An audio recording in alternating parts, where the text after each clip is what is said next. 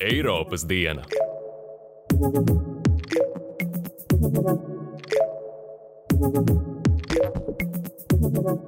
Sveicināti Eiropas dienā! Es esmu Ansis Ivāns, un šajā podkāstu epizodē runāsim par Eiropas parlamenta ieteikumiem attiecībā uz ārpolitikas vadlīnijām saskarsmē ar Krieviju un pagaidu noteikumiem cīņai pret bērnu seksuālu izmantošanu tiešsaistē. Baltkrievijā Lukašenko vēlēšanas filtroja pēc vēlēšanām, savukārt Kremlis eh, vēlēšanas nozaga pirms vēlēšanām, apcietinot vairāk nekā simts opozīcijas pārstāvis, nepieļaujot opozīcijas pārstāvjiem pārstāvjiem un pilsoniskās sabiedrības pārstāvjiem balotēties. Un faktiski man liekas, tas lielākais um, un skaļākais secinājums, ko šis ziņojums ir, ir, um, ir ieteicis, ir neatzīt uh, Krievijas domas vēlēšanas. Bet vispirms par citām aktualitātēm īsumā.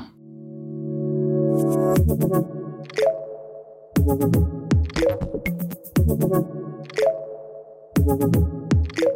Eiropas parlaments uzstāja uz vienotu lādētāju ieviešanu elektriskajām ierīcēm, lai mazinātu atkritumu apjomu un atvieglotu patērētāja dzīvi. Šādu priekšlikumu Eiropas komisijai parlaments pēdējo desmit gadu laikā ir izteicis vairākas reizes. 2014. gadā parlaments iestājās par vienotu lādētāju visiem mobilajiem tālruņiem sarunās par radioiekārtu direktīvu. Pēc tam deputāti vairāk kārt tieši un netieši aicinājuši noteikt vienu mobilo telefonu lādētāju standartu, piemēram, 2020. gada 30. janvārī pieņemtā rezolūcijā, aicinot komisiju steidzami ieviest šādu standartu.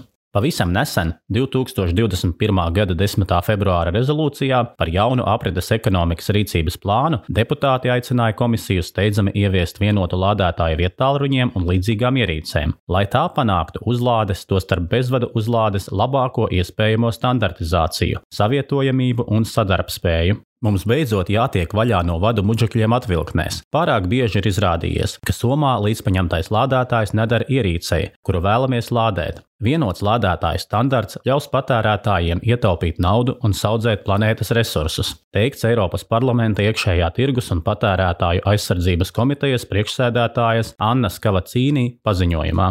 Jāpiebilst, ka elektriskās un elektroniskās ierīces joprojām ir starp straujāk augošajiem atkritumu avotiem Eiropas Savienībā. Horvātija pēdējos gados piedzīvojusi desmitiem ārvalstu sponsorētus kiberuzbrukumus, teikts Horvātijas Nacionālās drošības un izlūkošanas aģentūras ziņojumā par 2020. un 2021. gadu. Vairumā gadījumā notikuši mēģinājumi ielausties Eiropas lietu un ārlietu ministrijas, kā arī aizsardzības ministrijas informācijas un komunikācijas sistēmās, taču nacionālo drošību stiprina jauna infrastruktūra un tehnoloģiju attīstība. Izlūkošanas aģentūra ziņojumā arī norāda, ka pašlaik tiek piedzīvota piedzīvota lielākā pandēmija modernajā vēsturē, kas radījusi bezprecedenta traucējumus ikdienas dzīvei un nodarījusi milzīgu postu globālajai ekonomikai. Pandēmija ir papildu veicinājusi ekstrēmisma un radikālisma pieaugumu, īpaši saistībā ar dezinformācijas un sazvērestības teoriju izplatīšanos. Lielā mērā dezinformācija saistīta ar Eiropas reakciju uz krīzi un demokrātiskās liberālās kārtības efektivitāti, teikt ziņojumā. Dokumentā atzīmēts, ka pie Horvātijas dienvidu austrumu kaimiņiem, kur reformas, lai pielīdzinātos Eiropas standartiem, notiek lēni, aktīvi darbojas ne rietumu aktori.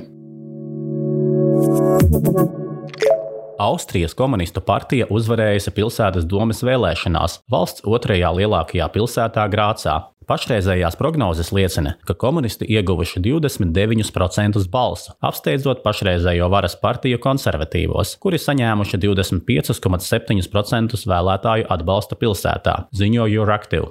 Šis rezultāts patiešām ir vairāk nekā pārsteidzošs. Raidorganizācijai ORF sacīja komunistu vadošā kandidāte Elke Kara. Federālajās vēlēšanās komunisti gan ieguva mazāk nekā 1% balsu. Grāca ir komunistu vienīgais cietoksnis, kur viņa 20% balsu ieguva jau pagājušajās vēlēšanās 2017. gadā.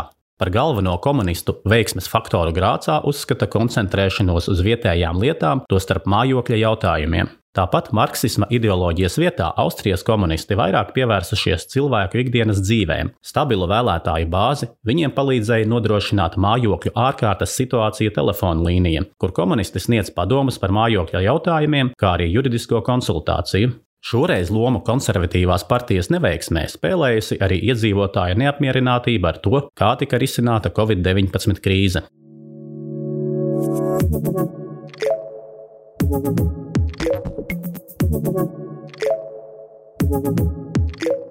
Eiropas parlamenta ārlietu komiteja ir izstrādājusi padomēji, Eiropas komisijai un augstajam pārstāvim ārlietās un drošības politikas jautājumos paredzētus ieteikumus par Eiropas Savienības un Krievijas politisko attiecību ievirzi. Ieteikumu par bloka attiecībām ar Krieviju izstrādi vadījis lietuvietis Andris Kubiļus.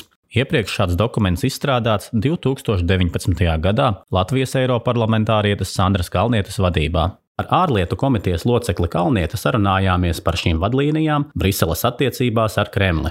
Šādi ziņojumi periodiski tiek veidoti par attiecībām ar dažādām valstīm, un tie ir svarīgi, lai konstatētu, kas noteiktā laika periodā ir noticis. Šajā gadījumā Eiropas Savienības attiecības ar Krieviju bija ļoti sliktā stāvoklī jau 2019. gadā, Kalnietes ziņojuma laikā, un nav uzlabojušās arī tagad. Šajā laikā dažādu Krievijas starptautisko likumdošanas aktu pārkāpumu dēļ, kā arī represiju īstenošanas dēļ, ko tā Kremlis īsteno pret savu tautu, tās ir kļuvušas vēl sliktākas. Tā ir palielinājies to personu skaits, pret kurām ir ieviesusi Eiropas Savienības sankcijas.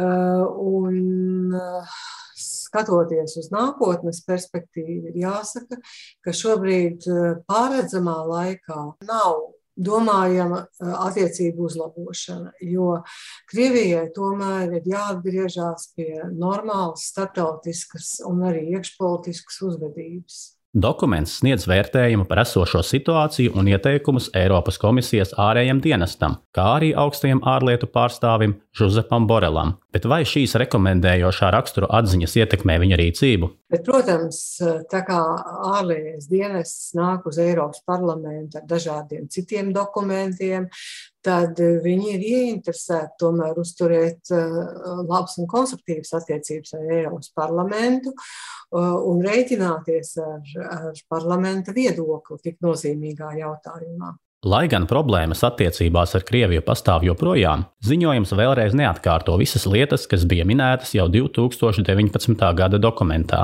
Piemēram, šoreiz nav punkts, kurā minēta nepieciešamība Krievijai nosodīt PSRS un komunisma noziegumus. Tas nenozīmē, ka šis jautājums ir atrisināts. Kalniete vērš uzmanību uz Krievijas likumiem, kas faktiski šādu atzīšanu izslēdz un paredz atbildību likuma priekšā tiem, kas apšauba Kremļa uzturēto vēstures versiju. Lūdzu Kalnieti izcelt viņas prāt svarīgāk svarīgākos secinājumus un ieteikumus šī gada ziņojumā, kā pirmo viņa min jautājumu par negodīgu vēlēšanu rezultātu neatzīšanu. Baltkrievijā Lukašenko vēlēšanas filtoja pēc vēlēšanām, savukārt Kremlis vēlēšanas nozaga pirms vēlēšanām, apcietinot vairāk nekā simts uh, opozīcijas pārstāvis, nepieļaujot opozīcijas pārstāvjiem un pilsoniskās sabiedrības pārstāvjiem balotēties. Un faktiski man liekas, tas lielākais um, un skaļākais secinājums, ko šis ziņojums ir, ir, um, ir ieteicis, ir neatzīt uh, Krievijas domas vēlēšanas. Tieši tāpēc, ka tur ir um, daudz bijuši pārkāpumi, viltojot um, vēlēšanu rezultātus, nav bijuši pieaicināts starptautiskās organizācijas un arī um, ECO, kas ir visatzītākie vēlēšanu vērtētāji un novēr, novērotāji pasaulē. Un, manuprāt, tas ir tas visskaļākais. Analizējot pašreizējo stāvokli Krievijā, ir svarīgi saprast, kā Eiropas Savienībai veidot tiltu un uzturēt attiecības ar to Krievijas pilsoniskās sabiedrības daļu, kas vēlas demokrātisku Krieviju. Atrast veidu, kā sadarboties ar tiem spēkiem Krievijā, kas vēlās izveidot, pārveidot Krieviju no diktatūras par modernu, demokrātisku valsti. Un kādā veidā atrast šos pavadienus. Uh, ja jau Ukraina vai Moldova vai Gruzija var kļūt par tādām modernām valstīm ar labām attiecībām ar Eiropas Savienību, katrā ziņā šīs valsts šo ceļu ir izvēlējušās, tad to var arī Krievija un, un, un to var vēlēties Krievu tauta. Kalniete uzskata, ka Eiropas Savienībai vajadzētu sniegt Krievu tautai skaidru vīziju, kādas perspektīvas ir normālām attiecībām ar Eiropas Savienību. Vai tas būtu bezvīzu režīms vai atviegloti tirdzniecības līgumi, bet tikai tajā gadījumā, ja Krievija no diktatūras pārvēršas par reālu demokrātisku valsti. Stratēģiskās attiecības ar Krieviju balstās uz trim pīlāriem - atturēt, iesaistīt un nepieļaut starptautisko tiesību pārkāpumus no Krievijas puses. Nevis no tā pašreiz ir sasniedzams, atzīst Kalniete, taču mēs varam asi vērsties pret Kremļa agresīvo politiku. Mums noteikti ir jāpastāv uz uh, Krimas aneksijas neatzīšanu. Nekādā gadījumā šeit nedrīkst būt nekādas uh, līdzīgas pielaides, kā piemēram notika pēc Baltijas valstu aneksijas, ka laikam ritot eh, de facto faktiski viss pieņēma eh, šo stāvokli, ka Baltijas valsts ir iekļautas Padomu Savienībā un turpināja ar Padomu Savienību sadarboties tā, it kā tas nekad nebūtu noticis. Ja? Tāpat mēs nedrīkstam atzīt Dienvidu Osetijas un Donbasa tagadējo stāvokli, kur noteicošā politiskā un militārā īstenība ir, ir Krievijas diktēta un ar Krievijas klātbūtni. Svarīgs un grūts uzdevums ir dažādus iegrožojošos pasākumus un sankcijas koordinēt ar starptautiskajiem partneriem, galvenokārt ASV, tad to ietekme būtu daudz lielāka, spriež Kalniete. Savukārt, runājot par atturēšanu, ir jākoncentrējas uz dažādām hibrīdkara izpausmēm, ko Krievija īsteno pret Eiropas Savienību, kā arī korupciju, ko Kremlis izmanto ietekmes palielināšanai. Krievija ļoti aktīvi strādā, lai destabilizētu Eiropas Savienības ietekmīgākās valstis, lai sanaidotu uh, dienvidus ar ziemeļiem, lai sanaidotu taupīgās valstis ar, ar uh, budžeta deficīta valstīm, uh, sabiedrību, tie, kas ir par vakcināciju vai pret vakcināciju.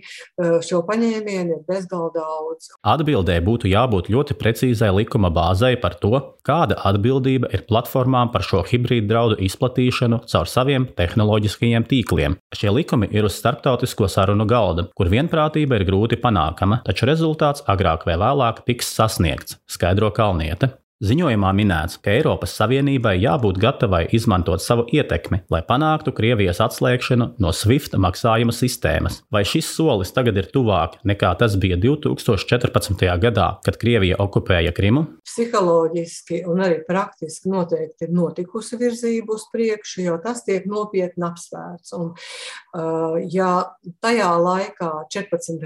gadā, par to runāja kā par tādu nu, gan izvēli maksimālu un ekstrēmu uh, sankciju, ko varētu pret Krieviju vērst, tad šobrīd tas tiek apspriests diezgan jau tādā reālā līmenī, un to saprot arī Krievija, tāpēc, ka Krievija ir sākusi strādāt pie savas iekšējās sistēmas, kas viņiem varētu šo triecienu palīdzēt amortizēt. Abos ziņojumos runāts arī par enerģētiku kā instrumentu, kas var stiprināt vai vājināt Krievijas ietekmi. Taču gāzes vads Nord Stream 2 drīzumā tiks pabeigts, un tas Eiropas enerģētisko neatkarību nestiprina. Tas ir tāds ļoti rūkts kumos, kas ir jānorīd, jo tas arī lielā mērā ir saistīts ar šo ārkārtīgi straujo gāzes cenu augumu, ja, kas atspoguļojās arī Latvijas uh, cilvēku budžetos, maksājot par, par gāzes patēriņu, un atspoguļojās arī cenās, jo visur, kur um,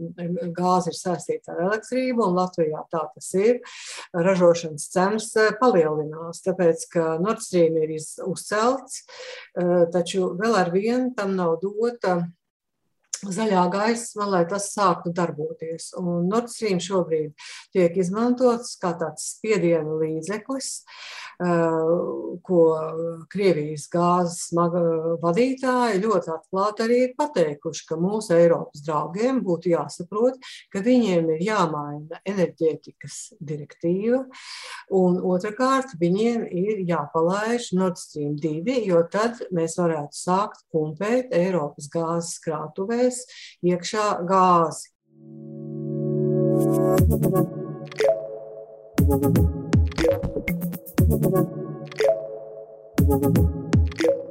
Jūlijā Eiropas parlaments pieņēma pagaidu noteikumus cīņai pret bērnu seksuālu izmantošanu tiešsaistē. Tas ļaus interneta pakalpojumu sniedzējiem turpināt brīvprātīgi apkarot pret bērniem vērstas seksuālas vardarbības atspoguļošanu tiešsaistē.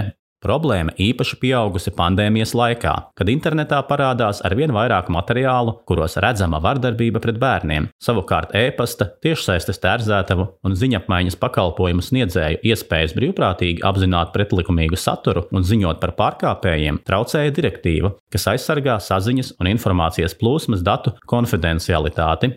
Tāpēc panāktā vienošanās paredz atkāpes no datu direktīvas noteikumiem, lai pakalpojumu sniedzēji varētu apzināt saturu, kurā ir atspoguļota seksuāla vardarbība pret bērniem un ziņot par šiem gadījumiem tiesība aizsardzības iestādēm.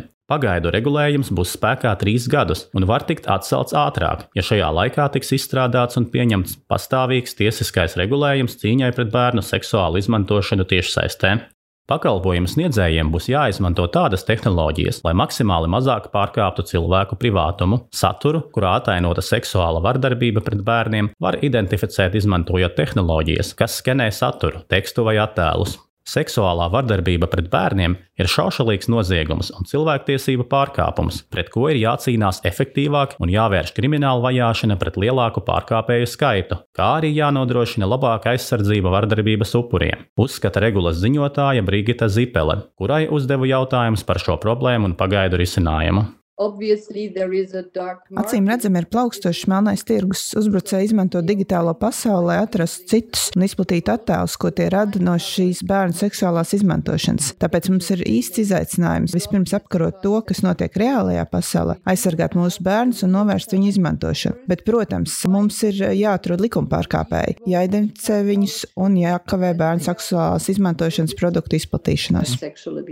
Uz jautājumu, kāpēc šī problēma īpaši sāsinājusies Covid-19 pandēmijas laikā, Zipele norāda uz apstākli, ka daudzi bija spiesti palikt mājās un aktivizējās tiešsaistes dzīve. Um, Mums ir daži ziņojumi, paturot prātā, ka cilvēki bija spiesti palikt mājās, bērni bija spiesti palikt mājās. Ir daži ziņojumi, kuros redzam, ka pieauga nevien bērnu seksuālās izmantošanas problēma, bet arī vardarbība pret sievietēm. Tāpēc papildu tam, lai apkarotu internetā un reālajā pasaulē notiekošo, mums ir jābūt labāk sagatavotiem, sniegt padomus bērniem tīmeklī un palīdzēt viņiem, lai būtu ar ko runāt, kad viņi nejūtas komfortabli internetā un tiešsaistē, un lai viņiem nav jāiet ārā meklēt kādu, kurš kurš spētu palīdzēt. Kāpēc šis regulējums ir pagaidu? Zipele norāda, ka Eiropas komisija uz notiekošo ir reaģējusi vēlu. Uh, Tas ir pagaidu, jo Eiropas komisija reaģēja ļoti vēlu. Mēs jau sen zinām, ka tādas lietas notiek, un dažas privātas kompānijas jau ir mēģinājušas atklāt attēlus un likuma pārkāpējus. Taču Eiropas Savienības normatīvu aktu dēļ var tikt kavēta šī darba turpināšana, tāpēc mums ir jāatrod risinājums. No otras puses, komisija jau paziņoja, ka strādā pie ilgtermiņa risinājuma, kas cerams apvienos visus mūsu centienus tieši saistē un arī reālajā pasaulē, pievienojot risinājumus, kas labāk sagatavotu bērnus un iedrošināt viņus nostāties pret jebkuru mēģinājumu runāt ar viņiem seksualizētā manierē. Tāpēc mēs gaidām paliekošu risinājumu no komisijas. Kamēr tas tiek gatavots, mums bija vajadzīgs pagaidu risinājums. Šī regula paredz brīvprātīgu pakalpojumu sniedzēju rīcību, identificējot noziedzīgu saturu. Taču vai pastāvīgie noteikumi, kad tie tiks izstrādāti, būs obligāti pildāmi? Es nezinu, kāds izskatīsies komisijas piedāvājums, bet ir tiesa, ka šis ir pagaidu risinājums. Ideja pirmkārt bija, ka tie, kas jau cenšas atklāt notiekošo, var to turpināt. Tas bija galvenais komisijas mērķis. Par paliekošu risinājumu ir doma padarīt to par pienākumu pakalpojumu sniedzējiem. Bet, protams, ir arī dziļāki jautājumi, ko komisija pārādīja pārbauda. Tāpēc mums ir jāgaida komisijas priekšlikums, kā atrisināt dažādus aspektus. Nav ideāla risinājuma, kas pilnībā apturētu jebkurus bērnu seksuālās izmantošanas mēģinājumus, atzīst Zipele. Bet labākais, ko viņas prāt var darīt, ir sagatavot bērnus, lai viņi saprastu, kad kāds viņus uzrunā ar mērķi iegūt seksuālus attēlus vai sarunu, un lai viņi spētu no šīs situācijas izvairīties. Mums ir jāiedrošina bērni reālajā pasaulē un arī tiešsaistes pasaulē. Tāpat mums jāiedrošina tos, kas internetā jau pašlaik nejauši uziet attēlus, vai kuriem ir aizdoms, vai ir informēti par kādām kaimiņu darbībām. Mums ir jāiedrošina viņi ziņot policijai.